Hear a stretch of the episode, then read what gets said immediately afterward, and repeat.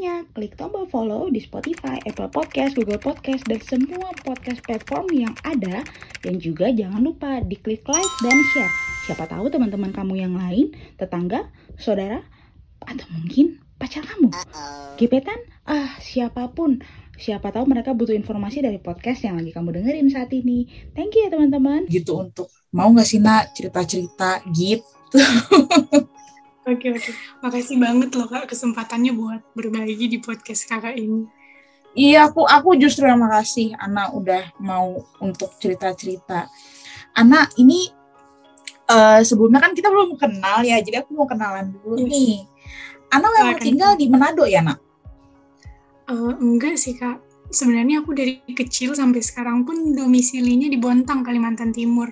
Cuma mama papa orang sana, jadi sering ke sana dan kuliah juga di Manado, tapi masih online kan, jadi masih dari Bontang, Kalimantan Timur. oh jadi tinggal di Bontang cuman papa orang Manado gitu ya? Iya, oh oke. Kuliah di mana nak? Universitas Samratulangi di Manado. oh di Unsrat. Oke. Iya, tepat sekali. ambil jurusan apa nak? Ilmu komunikasi kak, Oh iya mau komunikasi. Berarti sekarang udah semester berapa nih? semester 4. Oh, empat. Oke lah ya. Kan Unsrat kak?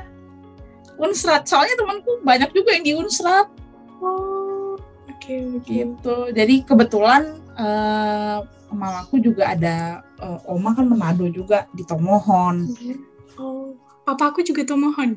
Oh aduh, jangan-jangan tetanggaan nih. Jangan-jangan gitu kita. Oke, mungkin banyak orang yang belum belum tahu atau mungkin hanya tahu eh, oh albino itu yang kulitnya putih hanya itu aja. Tapi mungkin dari anaknya sendiri eh, boleh kasih tahu nggak sih nak ke kita eh, kalau albino teman-teman albino itu apakah memang dari eh, kecil atau memang sudah ada keturunan atau eh, gimana yang eh, anak rasain yang pernah anak alamin gitu? Oke, untuk albino sendiri dari yang aku tahu ini kita pasti ada keturunan genetiknya. Jadi di generasi-generasi sebelumnya yang mungkin nggak diketahui ada ada keluarga yang albino juga dan itu menurun dari genetik.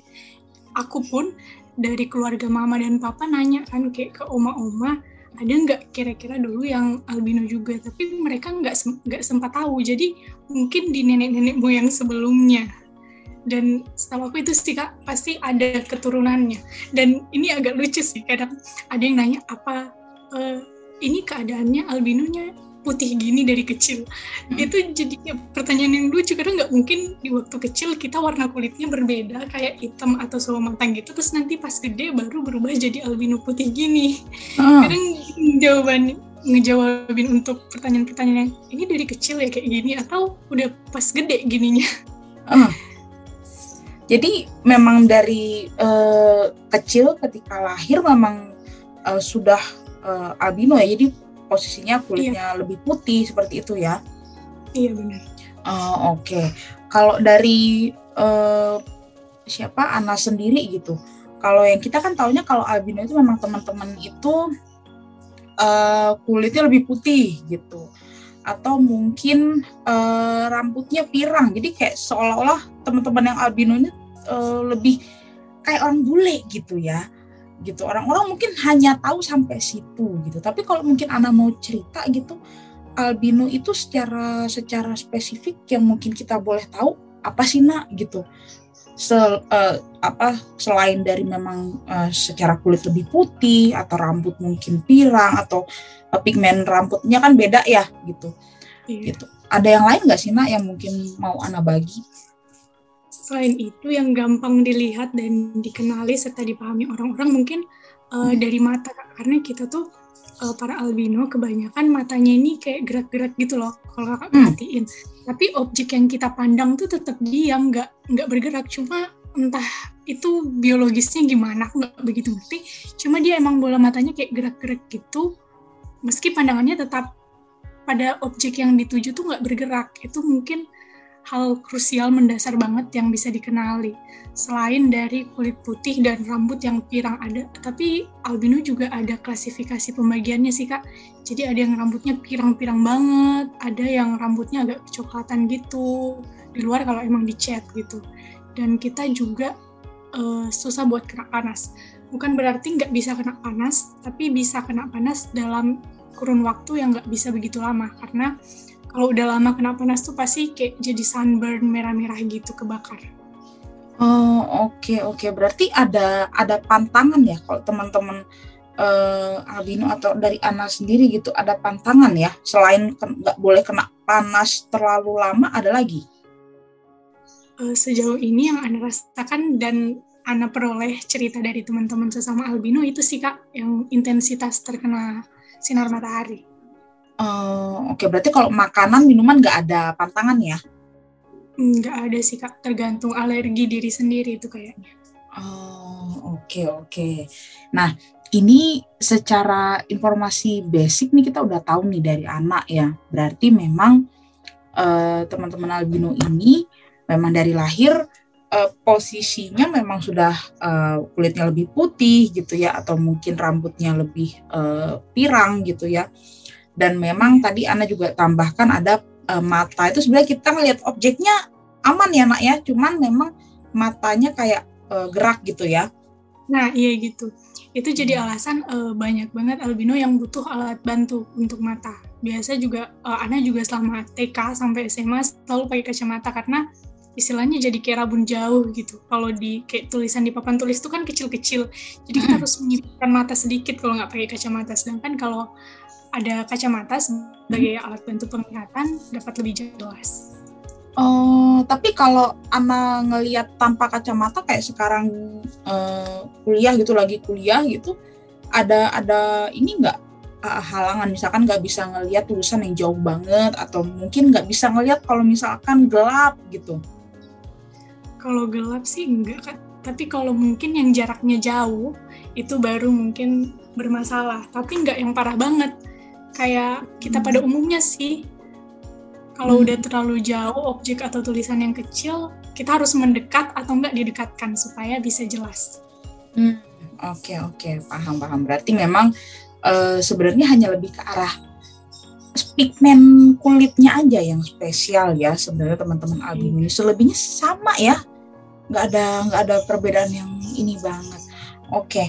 uh, eh, Ana ini kan pasti bukan sesuatu hal yang uh, mungkin kalau teman-teman yang lain gitu ya pasti flat flat aja nih nggak ada nggak ada cerita yang menginspirasi atau mungkin bisa di share ke kita gitu.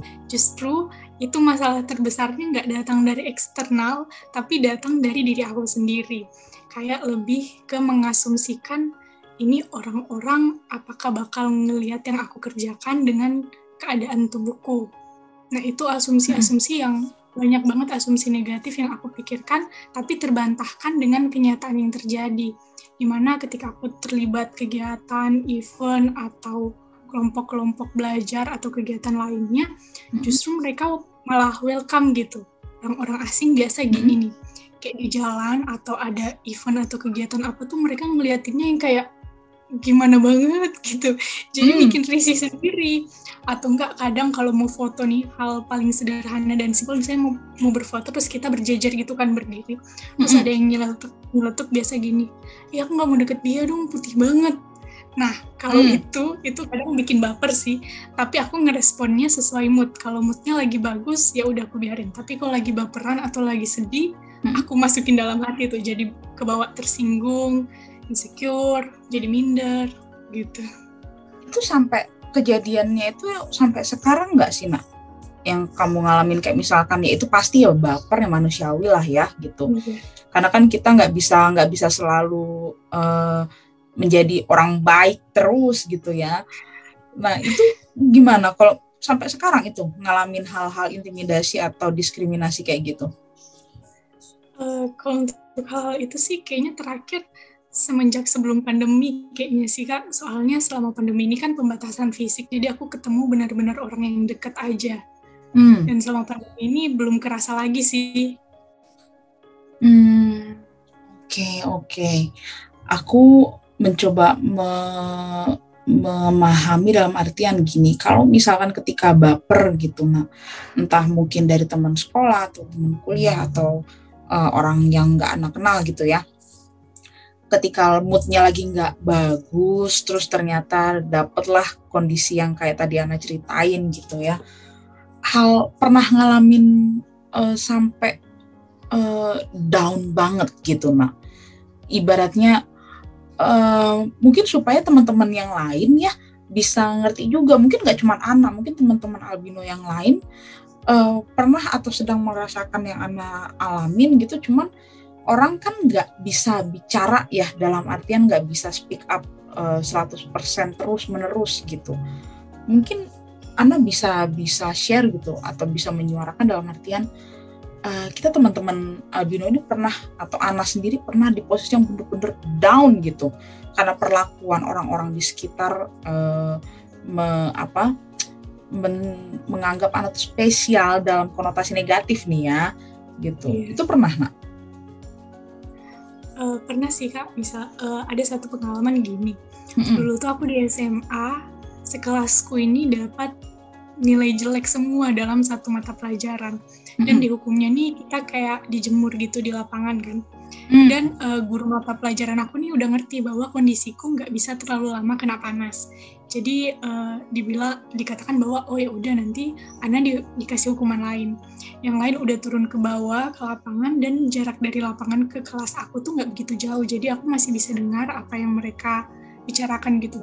Terus tiba-tiba ada salah satu teman aku yang ngomong gini ibu kok dia nggak dihukum? Nah di situ aku baper sebaper bapernya mungkin hmm. bukan salah dia juga karena pertanyaannya mungkin dia nggak tahu dengan kondisi aku tapi aku jadi merasa seolah kayak nggak dimengerti gitu. Tapi nggak sebaiknya juga nggak harus dipaksakan untuk orang lain tahu karena edukasi tentang albino atau albinisme ini belum belum banyak diketahui kan. Jadi semakin orang mencoba banyak nanya gitu kayak ih kok dia gini sih?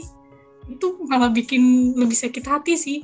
Tapi itu terjadi sama aku dulu ketika masih berproses pada penerimaan diri sendiri hmm. jadi aku rasa hal-hal kayak gitu jadi struggle yang cukup berat sih cuma kalau dari situ jadi belajar lebih teruji kan buat nguatin mental hmm ini event-event konteksnya bercanda gitu ya mungkin teman-teman albino juga ada rasa sensitifnya juga gitu ya walaupun konteksnya bercanda ya Iya, bener banget itu kan. Oke uh, oke, okay, okay. berarti uh, tadi Ana bilang lagi proses untuk uh, menerima nih. Berarti untuk sekarang udah udah santai aja lah gitu atau uh, lagi proses masih proses nih sekarang? Masih terus berproses sih kak, tapi udah udah mulai dulu kan kayak dibilang misalnya ada postingan ya, terus di komen kayak ih albino ya, itu tuh hmm. langsung kayak nyes kayak itu aku jadi merasa uh, albino jadi malu gitu ngakuin bahwa keadaanku ini albino. Tapi semakin ke sini udah mulai santai sih kayak oh iya aku aku albino ada apa? gitu. Oh. Udah mulai bisa menerima diri sendiri. Meskipun pasti banyak banget ujian dan tantangan yang menghantam. Dan itu bukan hal gampang loh ya. Dalam artian kalau kalau orang yang punya kekurangan secara, entah secara fisik atau sakit atau apa uh, itu susah sebenarnya untuk orang bisa menerima bahwa oke okay, ini kekurangan kekurangan gue ini ini gitu. Itu susah loh. Tapi Ana sekarang udah fine aja nih posisinya. Ya udah udah aman sih kak. Mau nggak mau harus terus berproses. Karena aku pun nggak mau uh, selalu terbelenggu dengan kekurangan yang aku punya. Hmm, benar. Nah ini nih, ini yang yang mungkin nak nggak uh, semua teman-teman atau mungkin ada teman-teman di luar sana yang sama-sama teman-teman albino ya, yang perlu uh, support atau perlu uh, dukungan gitu ya. Kalau misalkan aku yang ngomong kan mungkin mereka bisa bilang ah lo nggak ngalamin uh, gue albino lo kan enggak gitu. Mungkin mereka bisa bilang gitu. Nah mungkin kalau dari anak nih sebagai uh, tadi bilangnya uh, sebutannya apa nak? Albinis? Albino atau albinisme albinisme oke okay.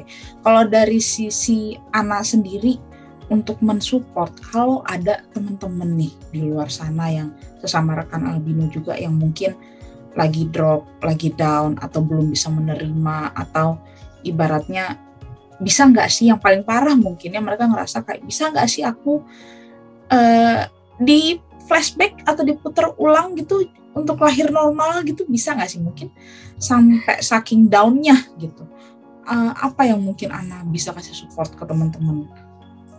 Kalau untuk itu mungkin teman-teman lain bisa ngikutin kiat yang aku jalankan, beberapa tindakan yang aku lakukan kalau misalnya aku lagi ngerasa insecure atau overthinking banget dengan keadaan yang aku alami, mm-hmm. aku biasanya um, mau kalau mau nangis ya nangis aja, um, tapi selalu berujung pada penguatan diri, kembali bersyukur dan berserah kepada sang pemilik kehidupan, minta kekuatan buat senantiasa dikuatkan dan mungkin motivasi singkat dan sederhana yang aku bisa berikan buat teman-teman adalah mari ingat bahwa setiap dari kita diciptakan dengan amat baik.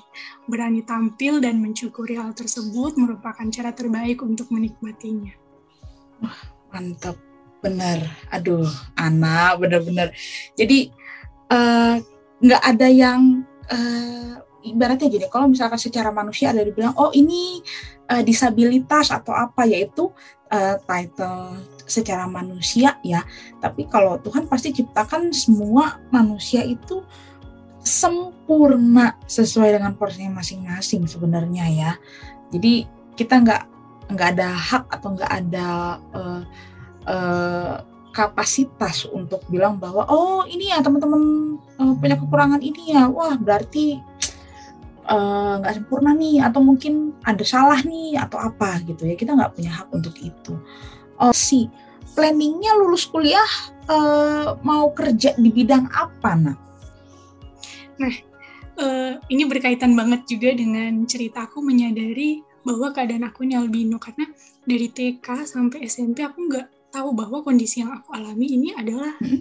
namanya albino pas okay. SMA aku ketemu salah salah satu akun Instagram uh, dia perempuan mm-hmm. bagian dari uh, sebuah girl band yang cukup terkenal waktu itu sepertinya aku DM lah akhirnya terus mulai dari situ kita cerita-cerita dan dia bilang bahwa iya aku punya temen yang albino juga mulai mm-hmm. dari situ aku nyari informasi albino itu apa sih dan ternyata dari literatur-literatur yang aku temukan sebutan untuk keadaan dan kelainan yang aku alami ini namanya albino.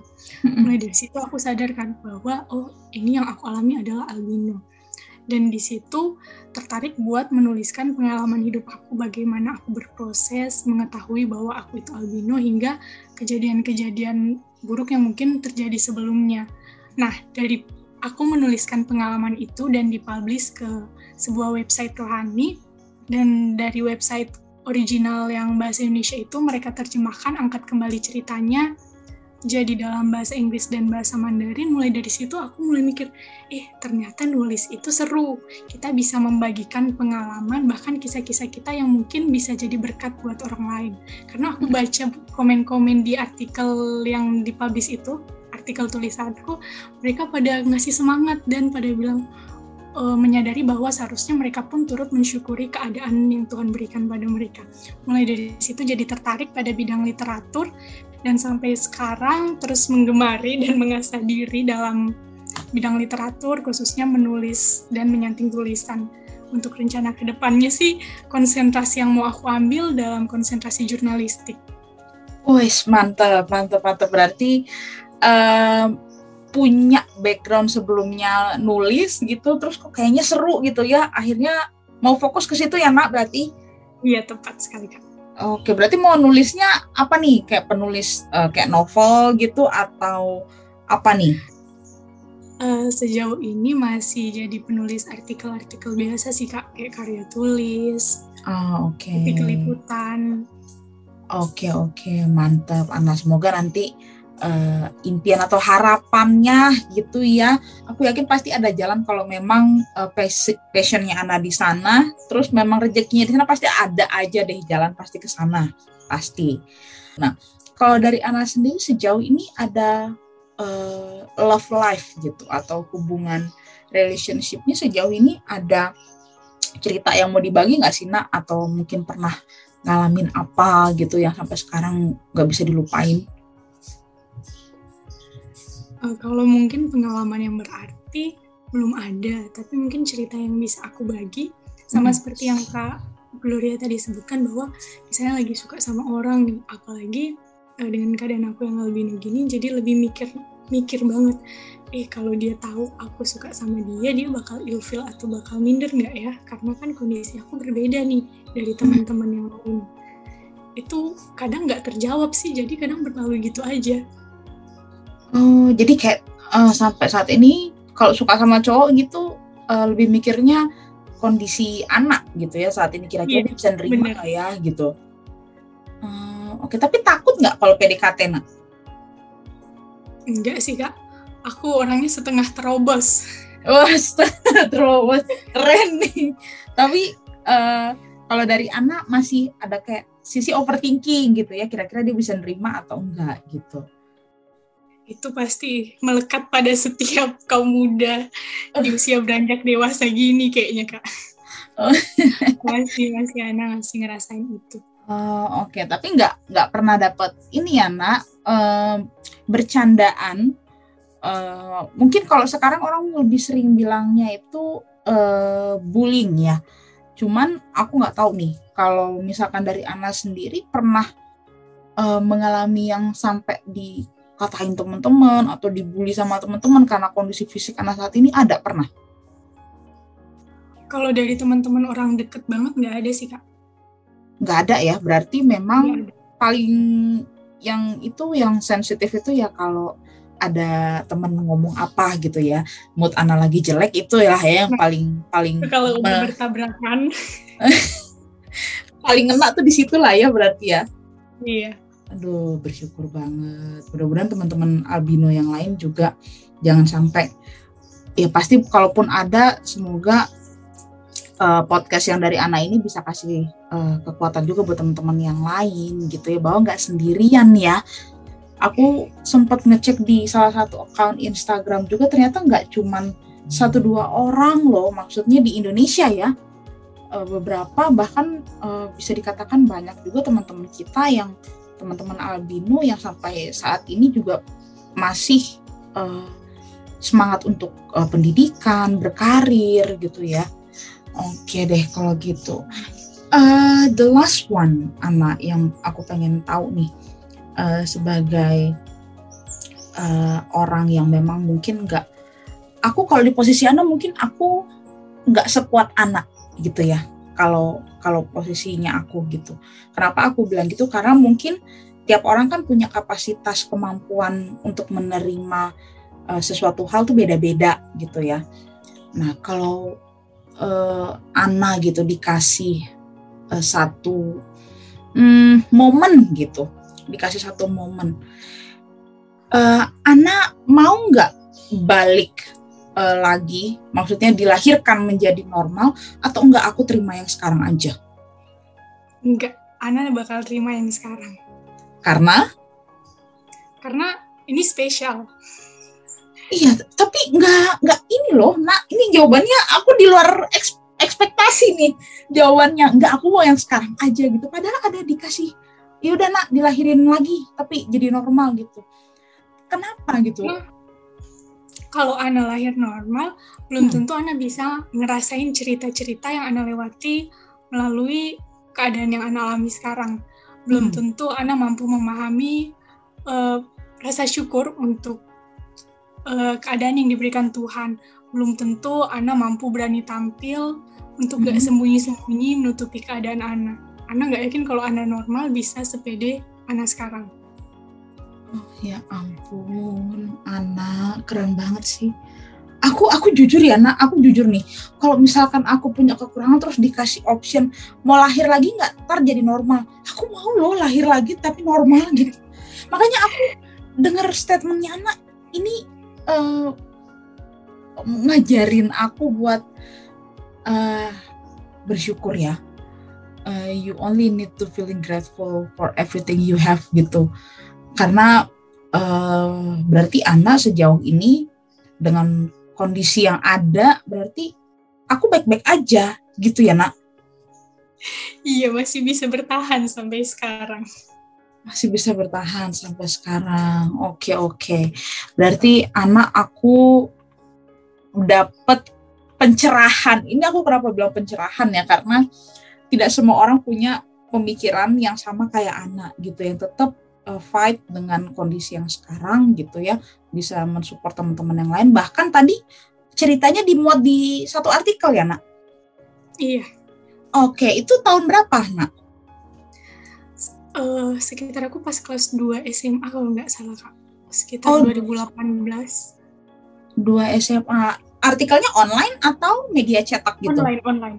Online. Oh online. Masih inget nggak nak? Mungkin teman-teman yang lain mau baca gitu masih masih ingat tapi untuk judul yang dalam bahasa Indonesia-nya. Oh oke, okay. websitenya kita bisa akses di mana Nina? Di warungsatekamu.org dengan judul Catatan Hidupku sebagai seorang albino. Wah, cakep berarti warung sate kamu.org. Warung sate kamu.org berarti slash atau garis miring. Judulnya apa nak tadi? Catatan hidupku sebagai seorang albino. Catatan Kalau nggak salah itu sih kak. Oke, catatan Nanti Anda hidupku coba sebagai... kirimin linknya ya ke Kak Gocha. Oke, siap. Kalau gitu berarti bisa di search di situ kalau misalkan teman-teman juga mau baca uh, perjalanan hidupnya Ana sebagai seorang albino yang sudah di-share di uh, salah satu uh, website online gitu ya dan menginspirasi banyak orang sampai ditranslate kedua bahasa Ana, bahasa Inggris dan bahasa Mandarin. Wow, itu keren banget pastinya karena pasti bisa kasih kekuatan teman-teman yang uh, albino yang nggak hanya di Indonesia berarti di luar Indonesia juga bisa dapat kekuatan dari cerita Ana. Oke, untuk orang-orang yang mungkin masih berkomentar uh, berupa nyinyiran atau memajukan teman-teman albino kita juga nggak bisa salahkan kan karena mungkin kurangnya edukasi tentang albino ini.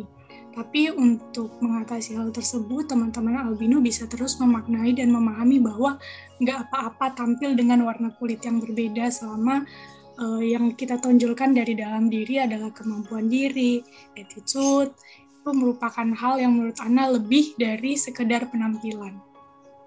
Hmm, cakep banget, pas komplit pokoknya. Jadi uh, itu anak aku makasih banget loh. Itu closingnya bagus banget. Jadi mensupport buat teman-teman ya uh, khususnya karena kita nggak kita nggak tahu apa yang teman-teman albino rasain. Karena pasti kayak tadi Ana cerita juga uh, beda ya sensitivitasnya beda gitu. Dan kita nggak nggak tahu nih. Semoga dari podcastnya Ana ini yang tadi Ana sudah ceritain gitu kan bagi cerita bisa mensupport teman-teman yang mungkin saat ini uh, sama seperti Ana juga gitu ya rekan-rekan albino atau mungkin uh, anggota keluarganya ada yang albino juga atau temannya ada yang albino gitu ya sehingga kita bisa tahu nih ternyata inilah apa yang teman uh, albino rasakan jadi supaya kita bisa lebih bijak lagi ketika mau bercanda, mau ngomong sama teman-teman albino yang mungkin di luar uh, batas gitu ya. Jadi kita bisa tahu nih ternyata memang teman-teman albino juga punya perasaan ya. Punya perasaan sama kayak kita nih ya. Jadi supaya teman-teman yang lain juga bisa lebih cari tahu lagi informasi tentang albino gitu ya. Supaya kita bisa lebih nambah wawasan lagi tentang apa sih albino itu atau albinisme itu. Jadi supaya kita nggak salah bertanya gitu ya. Karena pasti capek banget kalau ditanya nak kulitnya putih banget gitu. Atau nak kok mukanya merah karena matahari